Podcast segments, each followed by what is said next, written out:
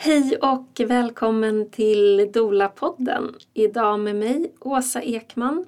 Inte den rösten som du kanske är van vid. Men eh, jag planerar att dyka in här lite mer framöver. Tillsammans med eh, kollegorna i Dola-gruppen. Och mm, även om det här är lite ovant för mig så ser jag så mycket fram emot att spela in dagens avsnitt och dela det. Men eh, först så vill vi tacka för all fin feedback som vi får från er som lyssnar på podden. Eh, att den ger så mycket och det är ju liksom hela tanken. Att sprida så mycket information och kunskap som möjligt på ett öppet och osensurerat sätt om sånt som kan optimera vår hälsa, vad som kan skapa goda förutsättningar för födande, Eh, bra start på föräldraskapet och annat som vi mår bra av. Så om du gillar det här, det som vi gör i podden och kanske har du fått några nya insikter och vill att vi fortsätter så får du gärna hjälpa oss genom att eh, gilla podden, gilla avsnitten, eh, följa podden och du får ju också såklart gärna dela med dig till andra som kan tänkas vara intresserade av eh, fler perspektiv än de som kanske är de här mest vanliga, säger jag och viftar citationstecken här. Du kan eh, också swisha till oss för att stötta podden och då gör du det på nummer 123 507 8290. Och det numret finns också på, i profilbeskrivningen på vår Instagram, Dolapodden. Tusen, tusen tack! Ni är så grymma och det är ju för er som vi gör det här. Men nu så ska jag äntligen introducera dagens gäst som är Mia Andersson och välkomna henne in i Dola-studion. Mia är livscoach, kreatör och en riktigt härlig person. Idag är hon framförallt här för att prata om sin graviditet och hur hon förberedde sig för att eh, föda hemma och som självstående och att ta emot sitt första barn. Det här avsnittet eh, handlar ju såklart mycket om vad Mia upplevde var avgörande för henne. Men eh, jag är ganska säker på att det kan inspirera dig som önskar eller kanske är nyfiken på en ostörd fysiologisk födsel, kanske en hemfödsel och eh, fundera på hur man kan förbereda sig inför en sån.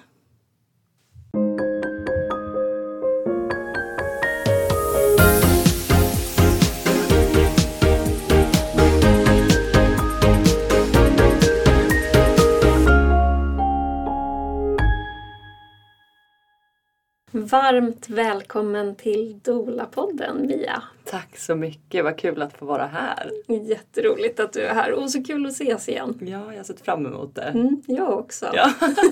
vi kan väl, eh, det är väl lika bra att vi outar att vi, outar. vi har träffats förut några gånger. Ja. Mm, det har vi. Och jag tänker ju framförallt på en magisk kväll, natt som också blev gryning mm. eh, i början på juni för snart två år sedan. Ja. ja. Det var fint. Det var Och jag minns det så väl. Sommarnatten. Mm. Mm. Mm. Och den här natten födde ju du din son mm. och du föddes som mamma. Mm. Precis, och jag älskar att du beskriver det just så. Um, för det är också någonting som jag har skrivit om. Mm. Att inte bara föda sitt barn utan även födas in i moderskapet. Mm. Um, och att det kanske är någonting som lätt glöms bort. Mm. Man glömmer bort att det inte bara är barnet som föds. Så fint att du sa mm. det. Mm. Vad roligt. Ja. ja, vad fint att du också har känt den, den eh, förändringen och mm. transformationen som det innebär i dig. Verkligen. Det är ett enormt skifte. Eh, inte bara att födas utan också att växa in i den rollen. Mm. Mm. Men det har varit en fin process. Ja, jag förstår det. Mm. Ja, det är omvälvande. Verkligen. Minst sagt. Mm. Mm. Men eh, du ska få börja med att berätta, tänker jag, vem du är och vad du sysslar med. Spännande. Mm. ja, jag är då Mia. Ehm, jag är mamma. Jag är syster, jag är dotter, jag är livscoach, jag är livsnjutare. Um, så det finns många olika ord att beskriva mig själv med. Um, men uh, om vi tittar på det mest basala eller det mest här, som, hur man brukar beskriva sig så är det väl att jag är 32 år snart. Um, jag har ett barn. Jag är ensamstående sen uh, tidigt i graviditeten och uh, bor i dagsläget i ett generationsboende tillsammans med min son och med mina föräldrar. Um, jag har uh, utbildat mig till livscoach vilket jag gjorde när Elliot fortfarande var väldigt liten. Så det jobbar jag med på deltid idag samtidigt som jag har Elliot hemma fortfarande. Mm. Så vi njuter av livet på landet tillsammans. Um, och bara är. Mm. Har du bra? Ja, det är så himla härligt. Um, och de som följer dig på Instagram får ju mm. följa med lite i, i ert liv på landet. Det får jag är också så nyfiken på det här med generationsboendet mm. och hur ni landade i det. Ja, um, det landade vi i för att jag eh, tidigt i graviditeten blev lämnad. Um, och det var väldigt oväntat för mig. Det kom ganska plötsligt och ingick inte i mina planer överhuvudtaget. Och jag kände då att jag inte ville bo själv under en graviditet. Jag ville inte vara själv med ett spädbarn. Ehm, så för mig var det ganska självklart att jag skulle flytta tillbaka till mina föräldrar som stod där med öppna armar och välkomnade mig. Ehm, vilket jag är oerhört tacksam för, för det är ju inte en självklarhet.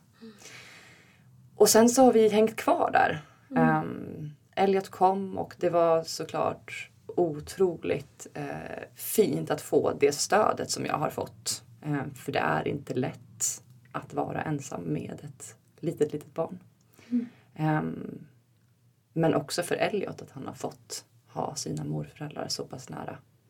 Så att jag bor, eller att vi bor i ett generationsboende idag började, bottnade i att jag inte ville vara själv under en graviditet eh, och med ett spädbarn. Men nu är vi kvar för att vi trivs otroligt bra med varandra och i den konstellationen. Ja, vad fint. Ja. Så här har vi ju bott och levt mm. i alla tider. Det är ja. ju bara den här korta, korta perioden, kanske, ja men vad är det ens, hundra år mm. som vi eh, har bott så här faktiskt isolerat som vi också, det är många som upplever det, speciellt när man får, när man får barn. Ja. Att herregud vad ensam man blir. Mm. Um, och att vi faktiskt behöver varandra mer än vad vi tror. Verkligen. Just då. Och den ensamheten är ju också lite typisk för Sverige. Mm. För att vi behöver ju inte resa långt ner i Europa för att fortfarande se det här äh, generationslivet som, som finns. Mm. Um, och jag har också tänkt på det många gånger under de här två åren att vad ensamt och tufft jag hade haft det om jag inte hade bott med mina föräldrar. Mm. Så mm. otroligt tacksam för mm. att jag har haft det stödet. Ja, vad fint. Mm. Så fint. Mm. Eh, du nämnde lite om din graviditet och att du blev lämnad tidigt mm. eh, i graviditeten. Vill du berätta lite om hur graviditeten började för dig? Alltså graviditeten började väldigt planerat. Det var ingenting som hände spontant utan vi var, jag och min dåvarande partner var ändå väldigt överens om att vi ville ha ett barn och jag blev gravid och sen så stod jag plötsligt ändå ensam i det. Um, så att det yttre, de yttre omständigheterna var egentligen genom hela graviditeten väldigt turbulenta. Det var rörigt, det var mycket som hände. Men eh, mitt inre känsloliv det var nog också stundtals liksom turbulent men jag minns det ändå som väldigt harmoniskt. Jag njöt väldigt, väldigt mycket av min graviditet och det var också viktigt för mig redan från början att jag vill ha lugn och ro omkring mig i den här graviditeten. Jag vill inte ha det rörigt. Um, så jag flyttade till mina föräldrar redan i vecka 12. Mm. Vilket gjorde att mycket blev lugnare.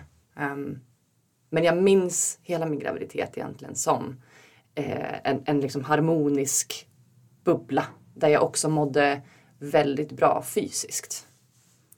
Mm. Så jag kunde ändå njuta utav hela graviditeten även om det var mycket ja, men tra traumatiskt ändå som hände. Eh, så minns jag det som en fin tid. Mm. Åh, vad härligt. Mm. Skönt. Det är eh, ändå... Eh, jag tänker, vad, vad tror du gjorde att det ändå kändes som, trots att det var turbulent, mm. att det ändå kändes som en fin tid? Att du ändå kunde landa i det? Kan du få tag på några bidragande? Jag tror att det var mycket, det hade mycket med att göra att jag var fast besluten om att jag skulle ha det lugnt. Eh, det var det jag fokuserade på, att skapa för mig själv. Eh, så i den mån det var möjligt så tillät inte jag någonting annat att få plats. Eh, så det var nog mest det. Mm. För det var rörigt men jag läste väl kanske inte komma åt mig då. Mm. Mm.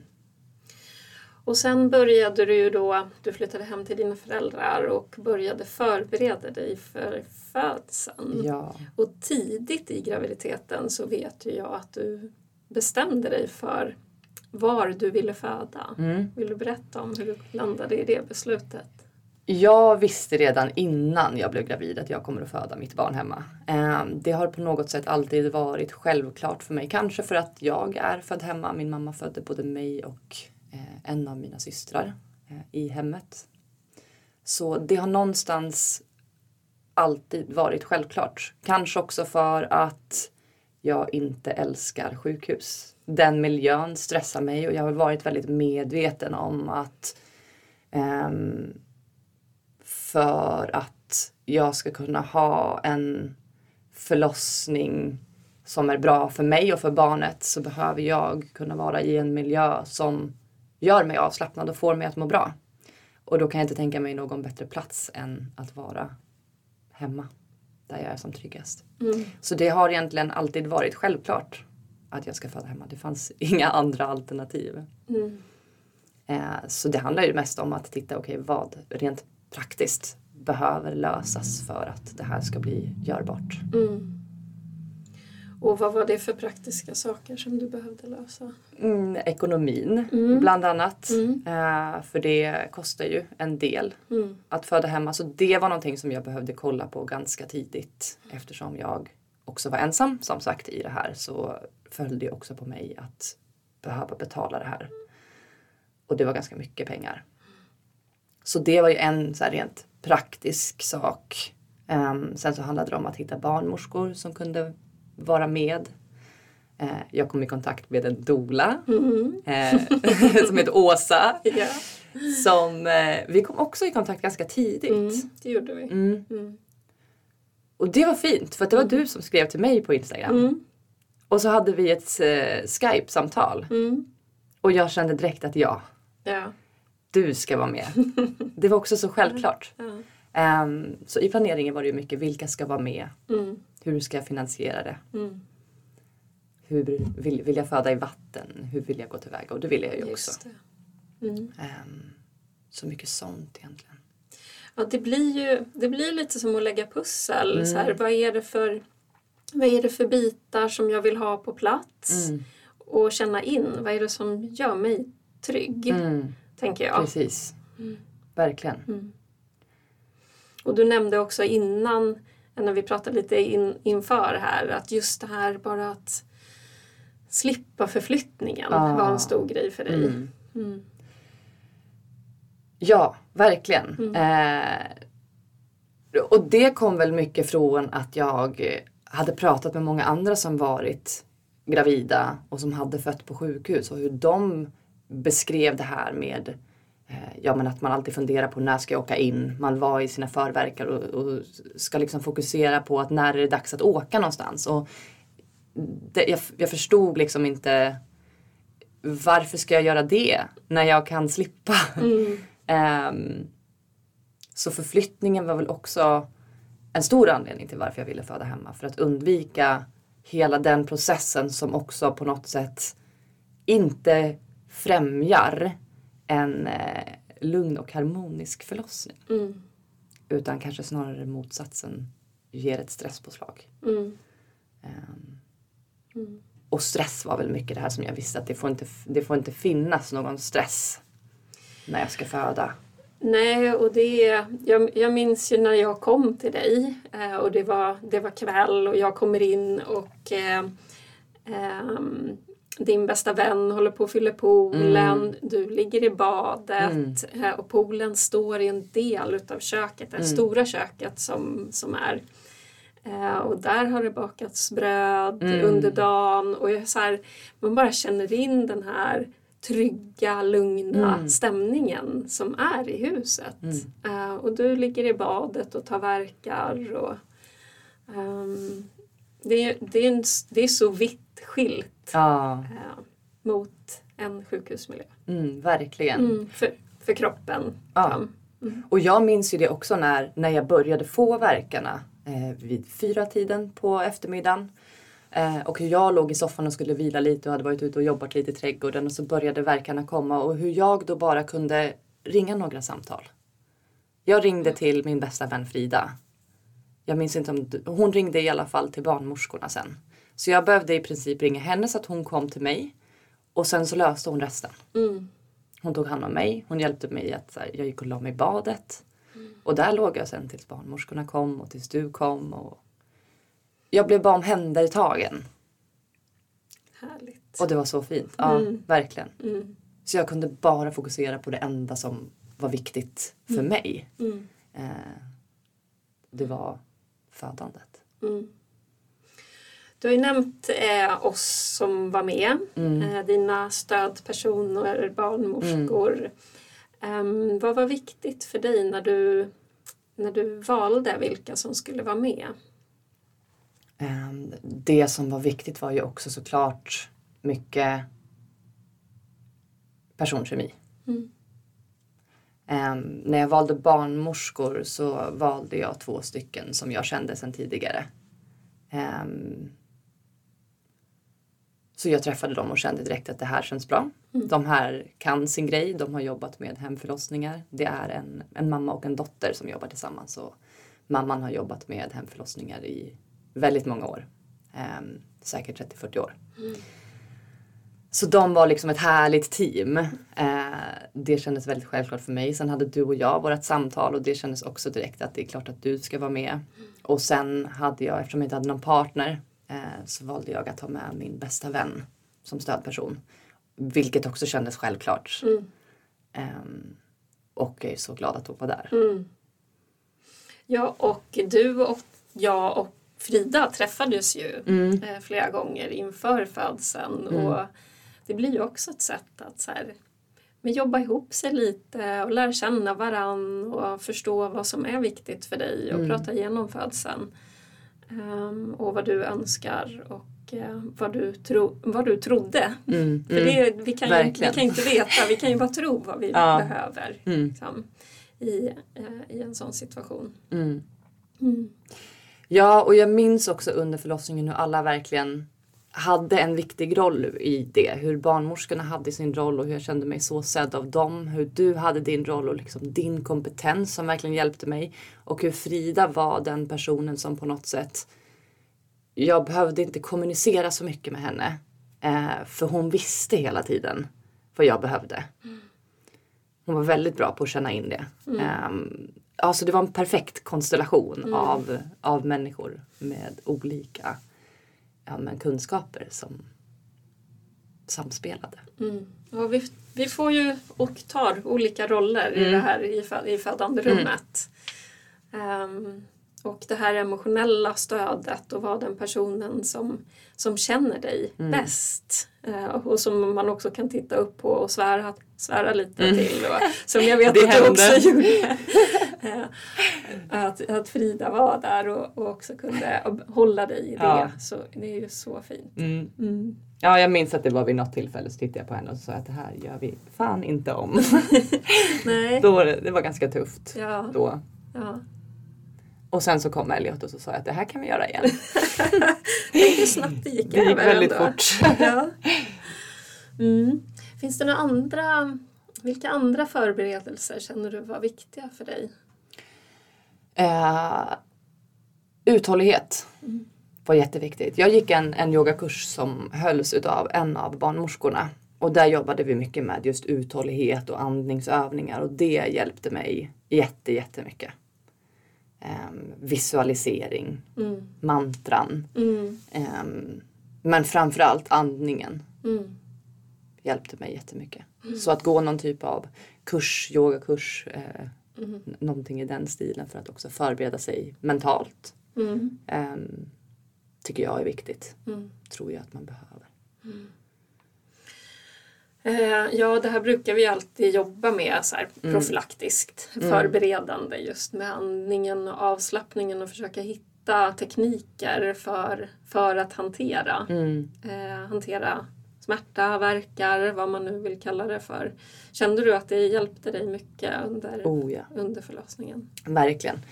Mina största, eftersom vi hade ju ingen smärtlindring. Nej. eh, Det har man ju inte på en hemförlossning. Nej. Vilket också var en av anledningarna till att jag motiverades av att föda hemma. Mm. Ehm, men andningen och vattnet var ju, eller det är klart man använde smärtlindring men på ett annat sätt Mm. än på sjukhuset. För att vattnet var ju en smärtlindring. Jag upplevde att det var en jättestor skillnad på att ligga i poolen och att ligga på en madrass. Mm. För jag födde ju till slut sen utanför poolen men det var en stor skillnad på smärtan. Mm. Också när jag kom ur andningen att det gjorde jättestor skillnad. Så länge jag hade kontroll på andningen och andades djupt och då gick det. Men så fort man liksom kommer upp och andas lätt och då Mm. Det blir, man, man spänner sig. Och när man spänner sig då blir det värre. Ja, Så verkligen andning och, och vattnet var du kände det tydligt. jättetydligt. Ja. Mm. Vilket var häftigt också. Mm. Att eh, få uppleva den kontrasten, den Mm. skillnaden. Och ofta får man ju, om man är mycket i vatten och mycket i poolen och sen går man upp på toa bara och så Mm. kan man ju märka det om man Mm. hinner få några verkar på vägen, Ja. eller på land så att säga. Ja. Så kan man ju känna skillnaden Mm. bara. Ehm, och även om vi inte har medicinsk smärtlindring att tillgå när man föder hemma så Mm. precis som du säger, allt det här icke-medicinska med, med andningen, med avslappningen, med vatten, Mm. värme, Mm. Mm, beröring, Beröring. massage, mm, tryck jobbade vi också mycket Ja. med, minns jag. Mm. Det minns jag inte lika Nej, mycket. jag Men jag vet det. att ni gjorde det. Ja. Ja, det finns så mycket vi kan ta till som, som, ändå, eh, som ändå funkar så bra. Mm. Mm. Vill du berätta hur födseln startade för dig? Ja, Du nämnde att det började vid fyra på eftermiddagen någonstans och du ringde Frida. Jag vet Ja, att precis. du tog en glass och ringde Frida. gjorde jag det? Åt jag glass? Ja, jag Härligt. ja, men jag hade varit ute och pysslat i trädgården under dagen vet Mm. jag. Och så skulle jag gå in och lägga mig och vila för att jag hade haft några nätter med lite förverkar som sen stannade av. Ehm, eller som jag kunde sova mig igenom. Men den eftermiddagen så la jag mig i soffan och så kände jag ganska snabbt att nu, nu händer det någonting. Och det var också ganska snabbt att det blev regelbundet. Eh, Mm. Det var väl vid fyra tiden någon gång som jag ringde Frida. Vid fem tiden så kom hon, då la jag mig i badet och jag tror att ni kom vid sju, halv åtta någon gång. Ehm, och då var det regelbundna liksom tre verkar på tio minuter eller vad det var. Så det gick ändå snabbt.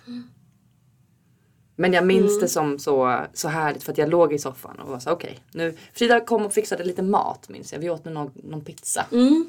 och kollade lite på film. Sen så var det dags så gick jag och la mig i badet och så låg jag där och Frida gjorde i ordning poolen, drog för gardiner, gjorde det mysigt, hängde upp lite ljusslingor. Mm. Fixade en madrass i hörnet som jag skulle kunna lägga mig på. Tanken var att jag skulle komma och lägga mig där efter att jag hade fött Elliot i poolen. Men Ja.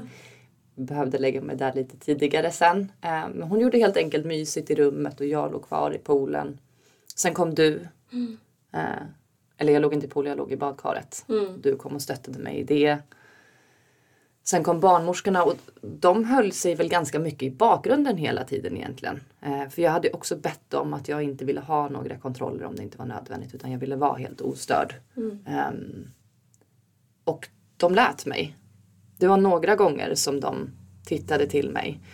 Och det kändes också bra för då kunde jag lita på att det behövdes. Mm. Det var inte bara någonting som hände på rutin eftersom jag hade sagt att behövs det så gör vi det men inte annars. Så det var ingenting jag behövde diskutera varje gång vilket också var väldigt ja, skönt. Mm. Så där låg jag. Jag, vet, jag har liksom inte så ingen tidsuppfattning riktigt. Men sen någon gång förflyttade jag mig från badkaret till poolen.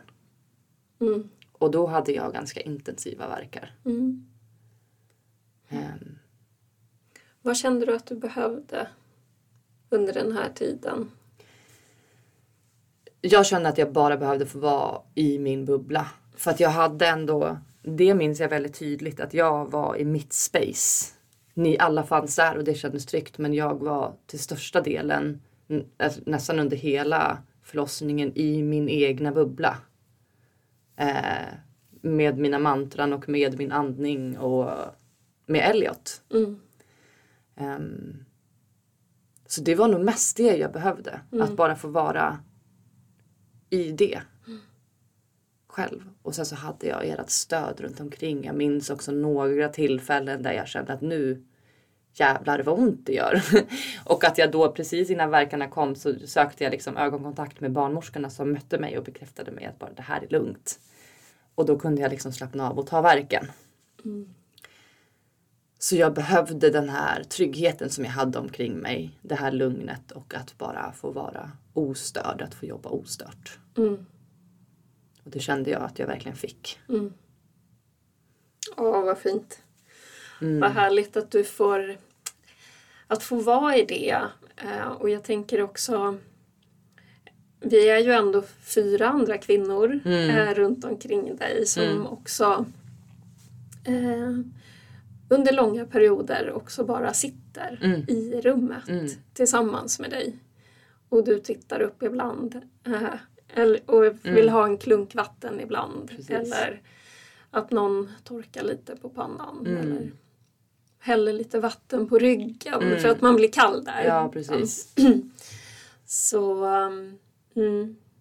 Och det var, det, det var så mycket power i det bara.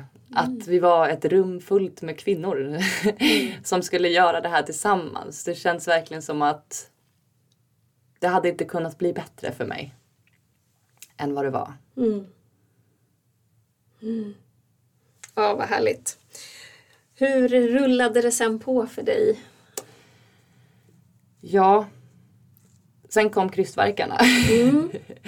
och då var det någon, jag fick då konstiga mellan krystverkarna där jag då egentligen hade fått en chans att vila var det någonting med mina magmuskler, de krampade på något sätt. Så jag hade ont i verkarna och sen i pausen så gjorde det också sjukt ont. Så det blev ganska ansträngande ett tag. Um, jag vet inte riktigt hur länge det här höll, höll på. Um, men det var jobbigt och jag tappade ork. Så jag minns att jag låg i poolen och fortsatte kämpa. Att barnmorskorna höll mina ben i olika positioner för att liksom hjälpa till. För jag hade ju ändå krystvärkar. Um, ehm, de hade jag i flera timmar vill jag minnas. Men det slutade då med att jag ändå behövde gå upp och lägga mig på madrassen. För att det tog för lång tid. Och det pratades också vid något tillfälle om att vi kanske behövde förflytta oss till sjukhuset. Um, och jag minns att jag hörde någon barnmorska säga det och jag minns att jag också kände mig helt okej okay med ifall det skulle bli så. Mm. Um, att det då inte kändes jobbigt för att jag var så trygg med alla de personerna i det här rummet och jag litade fullt ut på att de bara fokuserade på det bästa för mig och Elliot. Så, så allt som sades kändes lugnt. Även om det inte var så jag hade tänkt mig det i början. Um, men vi behövde inte åka in sen. Jag la mig på madrassen och vid... Uh... Men jag tänker om vi bara får hänga kvar lite vid den, vid den uh, uh att eh, att vara okej okay med mm. att göra en förflyttning. Mm. Och vad, för jag vet att det var någonting som vi pratade om inför. Ja. För att jag tror också att det är en bra förberedelse mm. i att föda hemma. Mm. Att så fundera, men vad är det för någonting? Vilka situationer mm. skulle jag eventuellt vilja göra en överflyttning? Uh, vad skulle få mig att vilja åka in? Um, förutom om det skulle vara någonting medicinskt då såklart. Precis. För det kan ju vara saker i dig också. Ja. Uh, och att du i det här skedet ändå kände att ja men är det så så, mm. uh, så kände, kändes det som att du var okej okay med det. Ja, för att jag kände att de barnmorskorna som var där mm. tycker att det bästa är att vi flyttar oss till ett sjukhus. Då har de belägg för det. Mm. Så jag, det handlade inte där så mycket om huruvida jag kände att nej men jag kan föda hemma. Det är inga problem. Utan mer om att jag litade på att om de tycker det så är det så vi ska göra. Mm. Att jag hade den här tilliten till mm. dem. Mm. mm. Och jag minns faktiskt inte hur jag, vad jag sa om förflyttningar innan förlossningen. Vad vi hade liksom pratat om där. Men jag minns just den situationen i när vi liksom var mitt uppe i det att när det nämndes så kändes det okej. Okay. Mm. Mm, bra. Mm. Ja, mm. det var skönt. Men eh, sen fick du ändå förslaget då att komma upp i poolen. Mm. Och det var jag väl kanske inte så sugen på. Nej. Eh, men det behövdes. Så jag fick lägga mig på madrassen och så fick jag lägga mig på sidan och fick då ganska mycket hjälp med att föda fram Elliot. Mm. Um, och då var det tufft. Mm. då var jag riktigt trött. Mm. Um, just för att de här krystverkarna hade hållit på så länge och för att jag fick de här uh, spänningarna eller kramperna i musklerna. Så det blev liksom aldrig riktigt någon paus på ganska många timmar. Men till slut så kom han ut. Mm. Och där minns jag också så tydligt hur eh, när jag bara kände att nu orkar jag inte många verkar till. Eh, så sa barnmorskan att nu kan du känna hans huvud och det gav mig en så här mm. urkraft. Mm. Riktig power. Eh, och då kom han. Mm. mm. När du fick den kontakten ja, med att nu är det så nära. Det är så nära. Mm. Och det gav verkligen en till så kick. Mm. Som behövdes då. Ja. Mm. Och 03.37 så föddes han. 03.37. Ja. Mm. Mm. Solen hade precis gått upp. Ja, den hade ja. precis för du kollade det mm. efteråt. Mm. Det var bara några minuter efter ja. att solen gick upp. Ja, ja så fint. Mm. Och då var han ganska medtagen. Det var han. Mm. För han hade också bajsat i fostervattnet och det var väl en av anledningarna till att vi pratade om att åka in för att han hade legat i det ganska länge. Så det var ganska tyst från honom när han kom ut. Mm. Hur upplevde du det? Eh, jag upplevde det som helt lugnt. Där också. Jag var helt trygg med vad som hände i situationen. Jag märkte att vid något tillfälle så gick min vän iväg.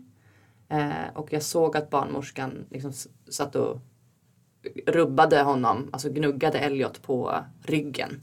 Mm. och masserade honom kraftigt på ryggen och sen så la hon honom på mitt bröst och fortsatte göra det. Och jag fick inte röra honom utan han skulle liksom ha kroppskontakten. Så att det var ju lite dramatiskt men jag upplevde det som att det är lugnt om man har koll på läget. Mm. Du kände dig trygg? Jag kände mig helt trygg. Mm. Mm. Helt, helt lugn. Um, I efterhand så har jag sett lite filmer mm. på den här förlossningen. Mm. Um, och när jag ser det utifrån mm. så är det ganska obehagligt för att det är inte den bilden jag har. Det är inte min, mitt perspektiv på uh, vad som hände. Utan utifrån ser det ser ganska dramatiskt ut. Mm. ser lite läskigt ut. Han ser ganska livlös ut när han föds. Mm. Uh, det tar väl bara 30-60 sekunder tills han andas. Så det är ju inte lång tid. Um, men det jag ser utifrån är inte hur jag upplevde situationen överhuvudtaget. Utan för mig var det helt, de har koll på läget och jag är lugn. Mm. Och det är fortfarande en känsla som jag bär med mig. Att jag har sett videon ändrar inte på något sätt min upplevelse utav det. Vilket också är skönt för det var jag lite rädd för. Mm. Men jag tittar mm. ändå. Det har, inte, det har inte ändrat på det. Alls faktiskt. Nej och det där, det där kan man ju vara faktiskt ta med sig och vara lite försiktig med. Mm. Att om man känner att man kanske inte vill ha det här utifrån perspektivet mm. utan att man vill behålla, mm. eh, behålla sitt, sin upplevelse. Ja. att man kan vara lite försiktig med att mm. titta på både bilder och videos. Absolut. Framförallt videos blir Framförallt. ju lite mer oh, ja. eh, eh, effekt kraftfullt, kraftfullt blir det. Ja, precis. Verkligen mm. kraftfullt. Mm. Och det, det var ju några månader efter att han föddes som jag tittade på det här. Um, så det tog ändå tid. Men också mm. när vi pratade om förlossningen efteråt, vilket vi gjorde bara dagarna efter. Um, så berättade ju Frida, min vän, att hon tyckte att det var väldigt jobbigt. Det var därför hon behövde gå iväg lite för att hon just då inte kunde vara ett stöd. Um, och barnmorskorna berättade ju också sitt perspektiv på det. Att det var, det var under kontroll och det var lugnt men det var ändå lite kritiskt. Mm. Eh, mm. Men att de, de visste ju vad de gjorde. Mm. Och har varit med förr. Och har varit med förr. Mm. Mm, verkligen. Mm. Ja, jag minns också att Frida, att Frida gick iväg. Och, eh, och jag tänker också att det är väldigt fint. Jättebra. Eh, just för just som stödperson också och en person i rummet så är det viktigt att man att man är, där med, man är där med sin energi och om hon blir rädd och du känner av det mm. då är det bättre att man, att man, bättre. Att man går iväg. För jag reagerade inte så mycket på att hon gjorde det. Nej. Jag noterade det mera. Mm. Men sen så började han mm. skrika. Mm. Han kom igång. Um, och så myste vi. vi fick hjälp med moderkakan och sen så fick ju navelsträngen vara kvar mm. ett tag innan vi klippte av den. Mm. Och ja, jag minns också bara känslan av att så här, nu är det gjort och jag är hemma och vad skönt. Mm. Det var tidigt på morgonen. Det började ljusna och det var bara så magisk, magisk mm. stämning. Ja, ni hängde kvar där på madrassen mm. i köket mm. bredvid poolen. Mm. Mm. Precis, vi hängde där. Mm. Eh, och sen så gjorde Frida i ordning i vardagsrummet med en stor madrass på golvet och sen så la jag mig där och sen så låg jag där de närmaste två, tre dagarna mm. med Elliot. Mm. Min familj kom hem tidigt på morgonen och hälsade mm. på.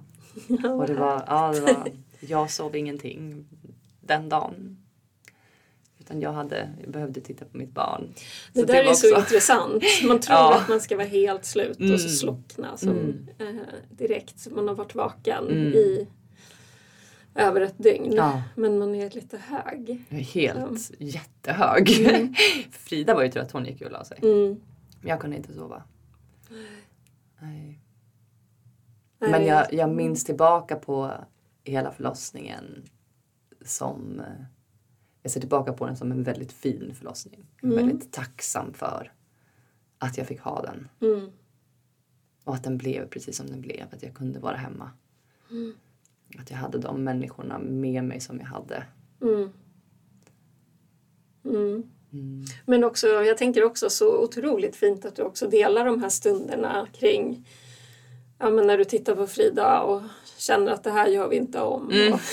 att det ändå det finns lite så här som det nästan finns i alla födslar. Mm. Någonstans. Och, alltså man går i och ur saker. Ja, och. Um, att det också får finnas plats för det. Mm. Och alla känslor. Mm. Mm. Ja, det är mycket känslor. Mm. Ja, verkligen. Ja. Både innan och under och efter. Ja. Men det är... Eh, det, ja, jag bär med mig det den förlossningen, de minnena. Och jag är också, där är också en sak med sjukhus. Nu är det inte så att man måste använda alla smärtstillande som finns på ett sjukhus men jag har också haft många samtal där mammor inte minns sina förlossningar för att de har varit höga på det ena och det andra. Och det var också för mig så nej, jag vill vara närvarande i det. Mm. Jag, vill, jag vill känna den här smärtan jag vill vara i kontakt med min kropp. Mm. Mm. när jag ska göra det här mm. mäktiga mm. framfödandet utav en person. Mm. Och det är jag också så tacksam för nu att jag verkligen jag kommer ihåg. Jag kommer ihåg min förlossning. Mm. Jag minns den. Ja, vad fint. Vill du dela något? Jag vet att du jobbade med mantran. Vill du dela något mantra som du använder dig av? Eh, ska jag komma ihåg något mantra som jag använder mig av? Smärtan är inte med mig, smärtan är mot mig. Ja, smärtan är inte, med, inte, mot mig. Är inte mot mig, den är, den är med, med, mig. mig. Så ah. precis, smärtan är inte mot mig, den är med ah, mig. Okay, vad fint. Eh, jag såg också smärtorna, eller verkarna som vågor. Mm. Så visuellt, att varje verk var en våg. Um, jag minns faktiskt inte så många mantran. Nej. Men det kan men ju det vara... finns många. Mm, ja men jag tänker att om, du, om man redan under graviditeten också mm. jobbar med dem ja. um, så blir det en del i, i processen mm. på något sätt och verktyg som man kan ta till mm. om man behöver dem. Varje verk tar mig närmare mitt barn mm. var också ett, ett mantra som jag hade. Um, för att liksom inte tänka att oj vad länge det är kvar utan hela tiden att slutet närmar sig. För det kan ju lätt bli överväldigande när de här verkarna kommer. Att man tänker så inte en till. Ja. Vilket jag också vet att jag vid något tillfälle så var jag såhär nej, nej, nej när verken kom. Men direkt skiftade det till ja, ja.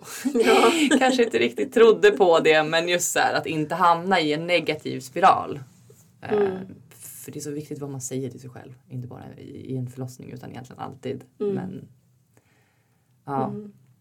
Men det är intressant eh, för de där tankarna dyker ju upp. Såklart. Um, men ja, tricket är väl kanske hur man hanterar det mm. och hur länge man stannar där. Mm. Och att man kanske inte fastnar mm. i dem utan att man försöker skifta och att man också får hjälp mm, att, att byta. Och det tyckte jag att du gjorde så bra. För du påminde mig väldigt mycket om de här olika mantran. Mm eh, när du kanske såg att jag inte kunde bära det själv. Att du kom mm. in och påminde mig om det. Mm. Det minns jag också som väldigt fint. Mm. mm. Så tack för det. Ja, oh. oh, så fint. Ska vi gå över och prata lite om första tiden med bebisen? Låt oss. Ja, första dagarna på madrassen i vardagsrummet mm. eh, har du redan nämnt. Men eh, ja, vill du berätta något om din upplevelse av den här första tiden? Men den var också, jag var bara i en bubbla. Mm. Um, jag svävade på moln.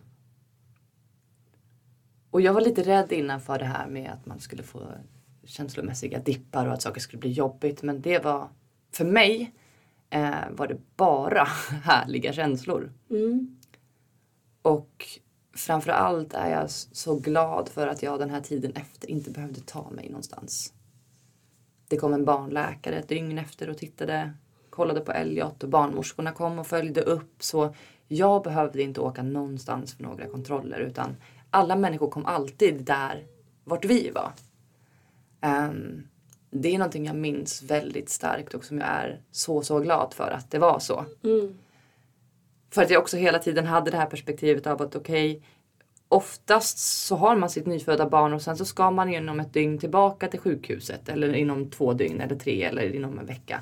Man behöver åka till platser för att göra de här kontrollerna och hur jag inte behövde det.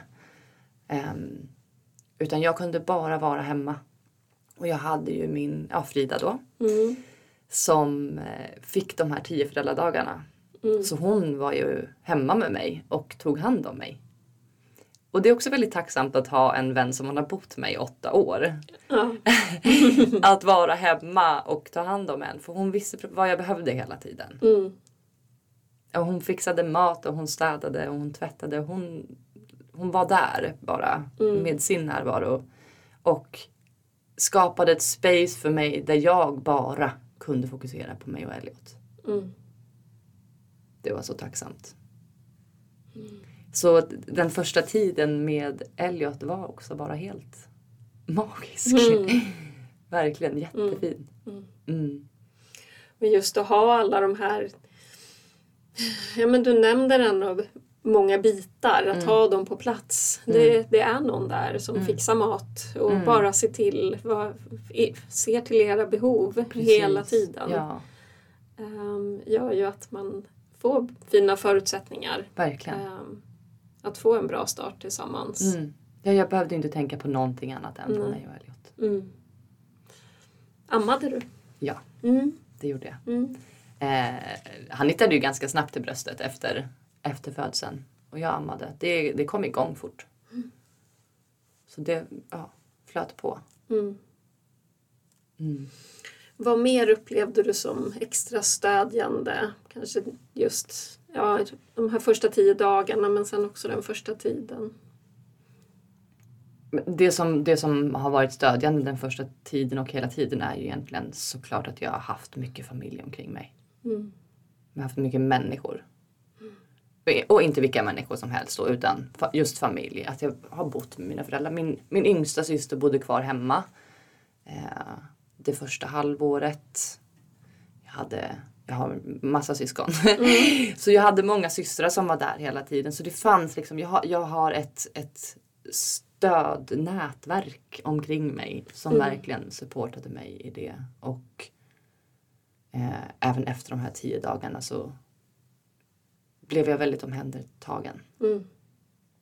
Och också mitt i sommaren, Mm. i så här jättehärlig tid. Mm. Många är också kanske lediga och Ja. att det finns också utrymme för att vara tillsammans. Mm. Och, ehm, och bara hänga i Ja. familjen och Ja. i, med sina nära och kära. Mm. Mm. Fanns det någonting som du upplevde som utmanande den här tiden? Men alltså är det provocerande om jag säger nej?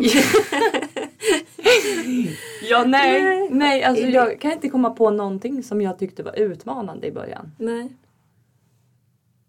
Nu när han är två, då Mm. kan vi prata utmaningar. Ja, okej. Men nej, inte, inte första tiden. Nej. Han sov bra. Mm. Han var inte en bebis som... Han var väldigt trygg. Mm. Jag hade honom väldigt nära hela tiden. Vi Mm. samsov, vi gör det fortfarande. Ehm, det Hur tror jag... du att det har påverkat? Oh, jättemycket. Mm. Verkligen. Mm. På vilket Ehm, sätt? Närheten. Mm. Att det gör honom tryggare. Och det gör att han kan sova bättre. Mm. Då kan jag sova bättre. Mm. Det, ja, mm. jag vet inte hur jag ska uttrycka mig riktigt. Men det här med att inte samsova tycker jag är konstigt. Mm. Jag förstår liksom inte ehm, hur det kan vara logiskt att ett, ett spädbarn som har bott i ens kropp plötsligt ska klara av att sova själv i en säng. Mm. Eh, den här närheten är ju så, så, så viktig. Så otroligt viktig. Så jag hade ju honom. Och har honom fortfarande sovandes i min säng. Mm. Våran säng numera. Det är mest hans säng nu. det är inte så mycket min. Men jag Får du en liten lite hörna? plats. Ja. men också att jag bar honom mycket. Jag Mm. hade en sjal. Mm. Eh, och jag hade honom hela tiden nära mig. Mm. Ehm, Det tror jag bidrog mycket till eh, att det var så enkelt också. Att jag väldigt mycket hela tiden var i kontakt med min intuition och vad den sa till mig snarare än vissa normer ehm, som finns. Eller föreställningar om hur man borde göra. Så jag följde väldigt mycket bara det som kändes rätt för oss. Mm. Och det har funkat bra hittills. Tror du att, ehm, att du har varit självstående, eller hur att du har varit självstående? Hur tror du att det har påverkat just den här första tiden för er tillsammans? Ibland så tänker jag att det är lättare att vara själv än att vara två. Ehm, för jag har bara behövt fokusera på Elliot. Mm. Det har inte funnits någon annan partnerrelation som jag har behövt ta hand om. Ehm, men det är ju också för att jag har ju haft min familj som stöd. Mm. Att vara helt ensam stående med ett barn, att bo själv med ett barn, det är nog, det är nog ganska tufft. Men jag har ju inte varit i den situationen. Ehm, så jag har ju ehm, jag har uppskattat den här tiden som vi har haft bara han och jag. Mm. Kanske också mycket för att det är det jag har haft att förhålla mig till. Och jag väljer väl hellre att uppskatta det som är än att älta det som inte är. Mm. Ehm, sen har jag ingenting att jämföra med. Men vi har, vi har haft det bra jag och Elliot den här första tiden. Och han har fått 100% av min uppmärksamhet hela tiden. Wow. Han har ju varit mannen i mitt liv i två år och mitt enda fokus. Mm. Ehm, så det har varit enkelt på det sättet också. Det har inte funnits någon konkurrens. Nej. Mm. Mm. Vad härligt. Ja, skönt för honom. Verkligen. Hur känns det för mamman? för den här För mamman. dig? Mm. Det har också känts bra Mm. hittills. Mm. Så har det absolut gjort det. Ja. Mm. Jag har trivts jättebra med att bara få dyka in i den här mammarollen i två år. Ja. Gjorde du några särskilda förberedelser för postpartum? Den här första tiden? Ofta förbereder vi oss ju så mycket inför förlossningen. Ja, precis. Eh, och alla de bitarna. Eh, och kanske glömmer bort den här tiden, den Mm. här första tiden efteråt. Vad behöver vi för, för stöd? Eller, vad, Nej, men den gjorde enda- du några förberedelser? Ja, nej, jag tror att den enda förberedelsen var att min, min Frida Mm. skulle vara med mig i tio dagar. Det var det vi hade förberett och liksom ordnat. Mm. Så det var fixat. Och det var väl det jag behövde också. Mm. Så inte, inte så mycket annat. Nej. Men eh, jag skulle absolut säga gör det. Mm. Ehm, för det är ju, ja det är en så fin tid. Men man är också så skör. Ehm, så man behöver vara lite förberedd.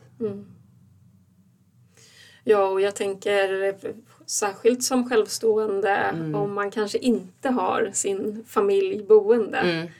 Mm. Eller att man bor med sin familj. Ja. Här, att kanske fundera igenom men vilken typ av stöd kan jag behöva? Ja, Var, vem kan hjälpa mig att handla? Eller alltså, de här Mm. fixa sakerna. matlådor eller åk till din familj. Ja, eller precis. se till att de kommer till dig och bor hos dig en månad. Mm.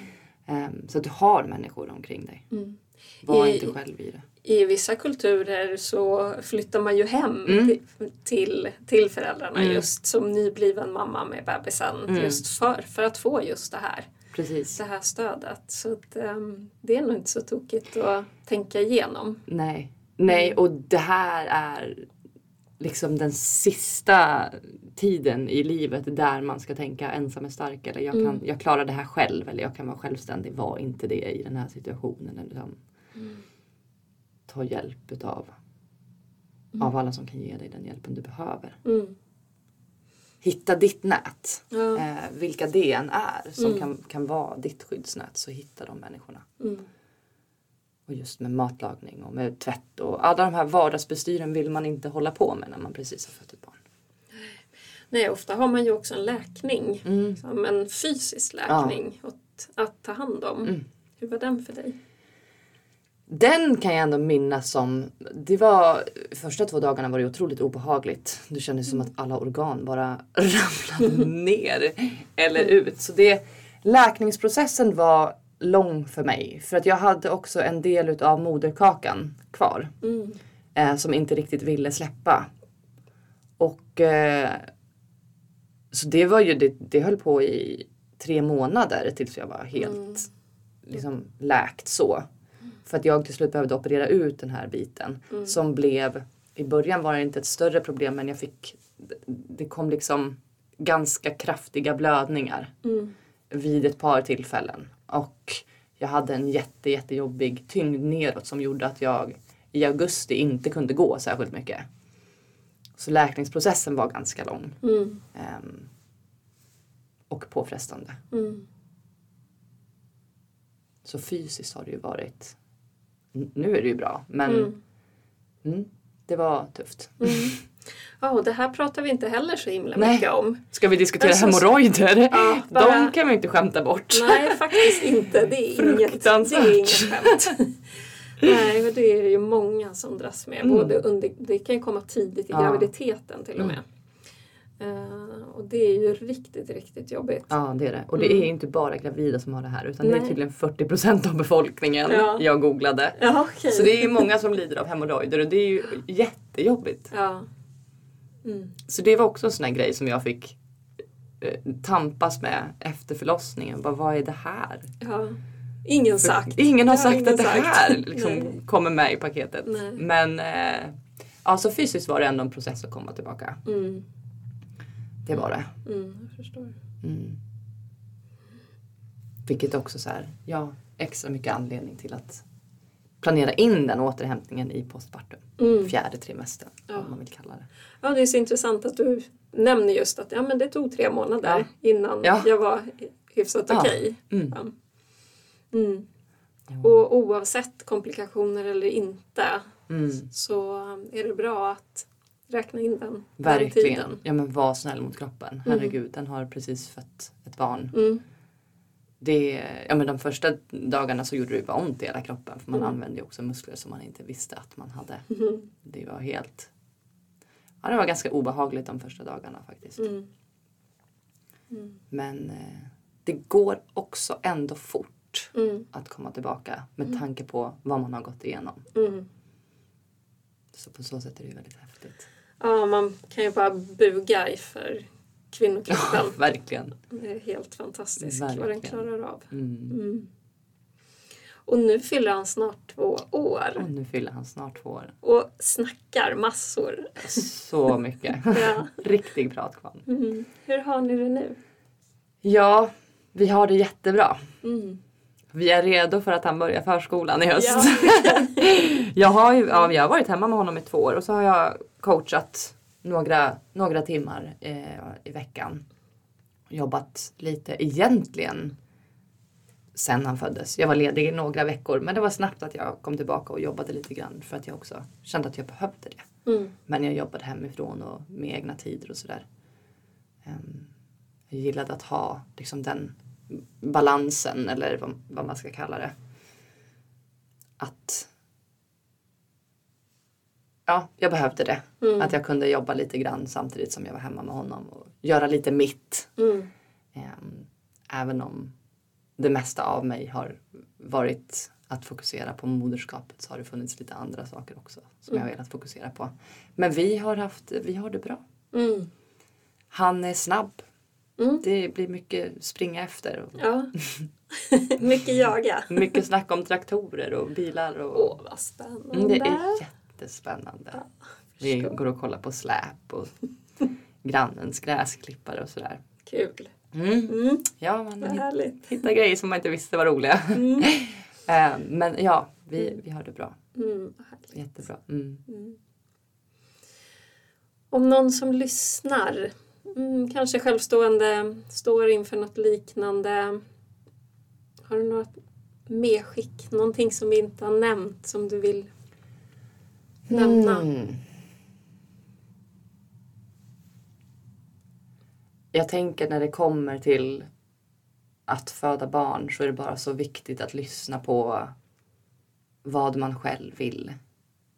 Mm. Och att våga ifrågasätta hur saker och ting ska göras. Mm. Um, att oavsett om man är självstående eller i en relation att ja, men våga föda på sina egna villkor. Um, I den mån som det går. Mm. Och till självstående så tänker jag bara att Ja, det jag tänker är att du, du får göra det här helt på ditt sätt.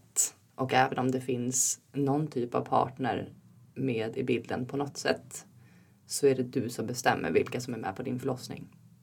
Mm. Och det finns ingen som har rätt till någonting. Det finns ingen som har rätt att vara en del utav din förlossning. Så du bestämmer vilka människor som är i rummet. Mm. Även om du inte är självstående för den delen också. Mm. Så är det um, Men framför allt om du är självstående så bestämmer du vilka som är där. Mm. För jag har pratat med kvinnor som har varit i liknande situationer som mig. Men som har känt sig pressade att låta partnern vara med i förlossningen. Mm. Därför tycker jag att det är viktigt att påpeka att man behöver inte Mm. ha med någon i rummet där man föder som man inte vill ha där. Nej, det som gör dig trygg. Det som gör dig Mm. trygg. Mm. Mm. Mm. Så det är väl vad jag skulle vilja säga. Ja. Ja, vad fint. Och som dolor så stöttar vi ju en del självstående. Mm. Eh, för det kanske är ja, lite mer tydligt go-to om Mm. man inte har någon Mm. annan. Eh, man kanske inte har någon Frida. Nej, precis. eh, utan att man vill ha ett stöd ifrån Mm. någon. Eh, så det, det händer då och då. Ja. Mm, och det är jättefint Mm. att få vara med i det, i det och stötta i det sammanhanget. Mm. Ja, och ni behövs ju. Mm. Inte bara där, Mm. utan överallt. Mm. Så fint Mm. att ni finns. Ja, tack. tack. Jaha Mia, om man är sugen på att hitta dig och om man vill följa dig och, Mm. Och Elliots resa. Du delar lite grann Mm. också kring moderskapet. Och, Det gör jag. Mm, Lite Mm. dyker det upp. mm, Eh, annars är det mycket personlig utveckling. Mm. Det är mycket känslor. Det är mental hälsa. Det är slow living. mm, Um, mig kan man hitta på Instagram Mm. under namnet Mia Margareta med TH. Mm. Eller så kan man gå in på min hemsida miamandersson.com. Mm. Där kan man läsa mera om mitt jobb som livscoach. Eller de kurserna som jag erbjuder som fokuserar på då just personlig utveckling och att leva långsamt och mental hälsa och så vidare. kan man gå in och kika om man vill. mm, Så så kan man komma i kontakt med mig. mm, Och på de sidorna hittar man även min mail. Ifall man skulle vilja skriva en rad eller två. mm. Mm. Ja, vad fint. Ja, det är ett riktigt inspirerande Instagramkonto. Det är jättehärligt Kul att följa. det. Ja, Ja, tack. Jag tycker att det är superlyxigt att Ja. du är där så mycket. Så jag får följa, följa Ja. er resa. Mm. Det är jättehärligt. Ibland dyker Elliot upp också. Ja. Mm, han gör det Mm. ibland. Mm, det är kul med sina traktorer. Precis, Mm. det gör han. Tusen tack för att du kom hit Mia. Det har varit jätteroligt att få prata med dig om din resa. tack för att jag fick komma. Mm.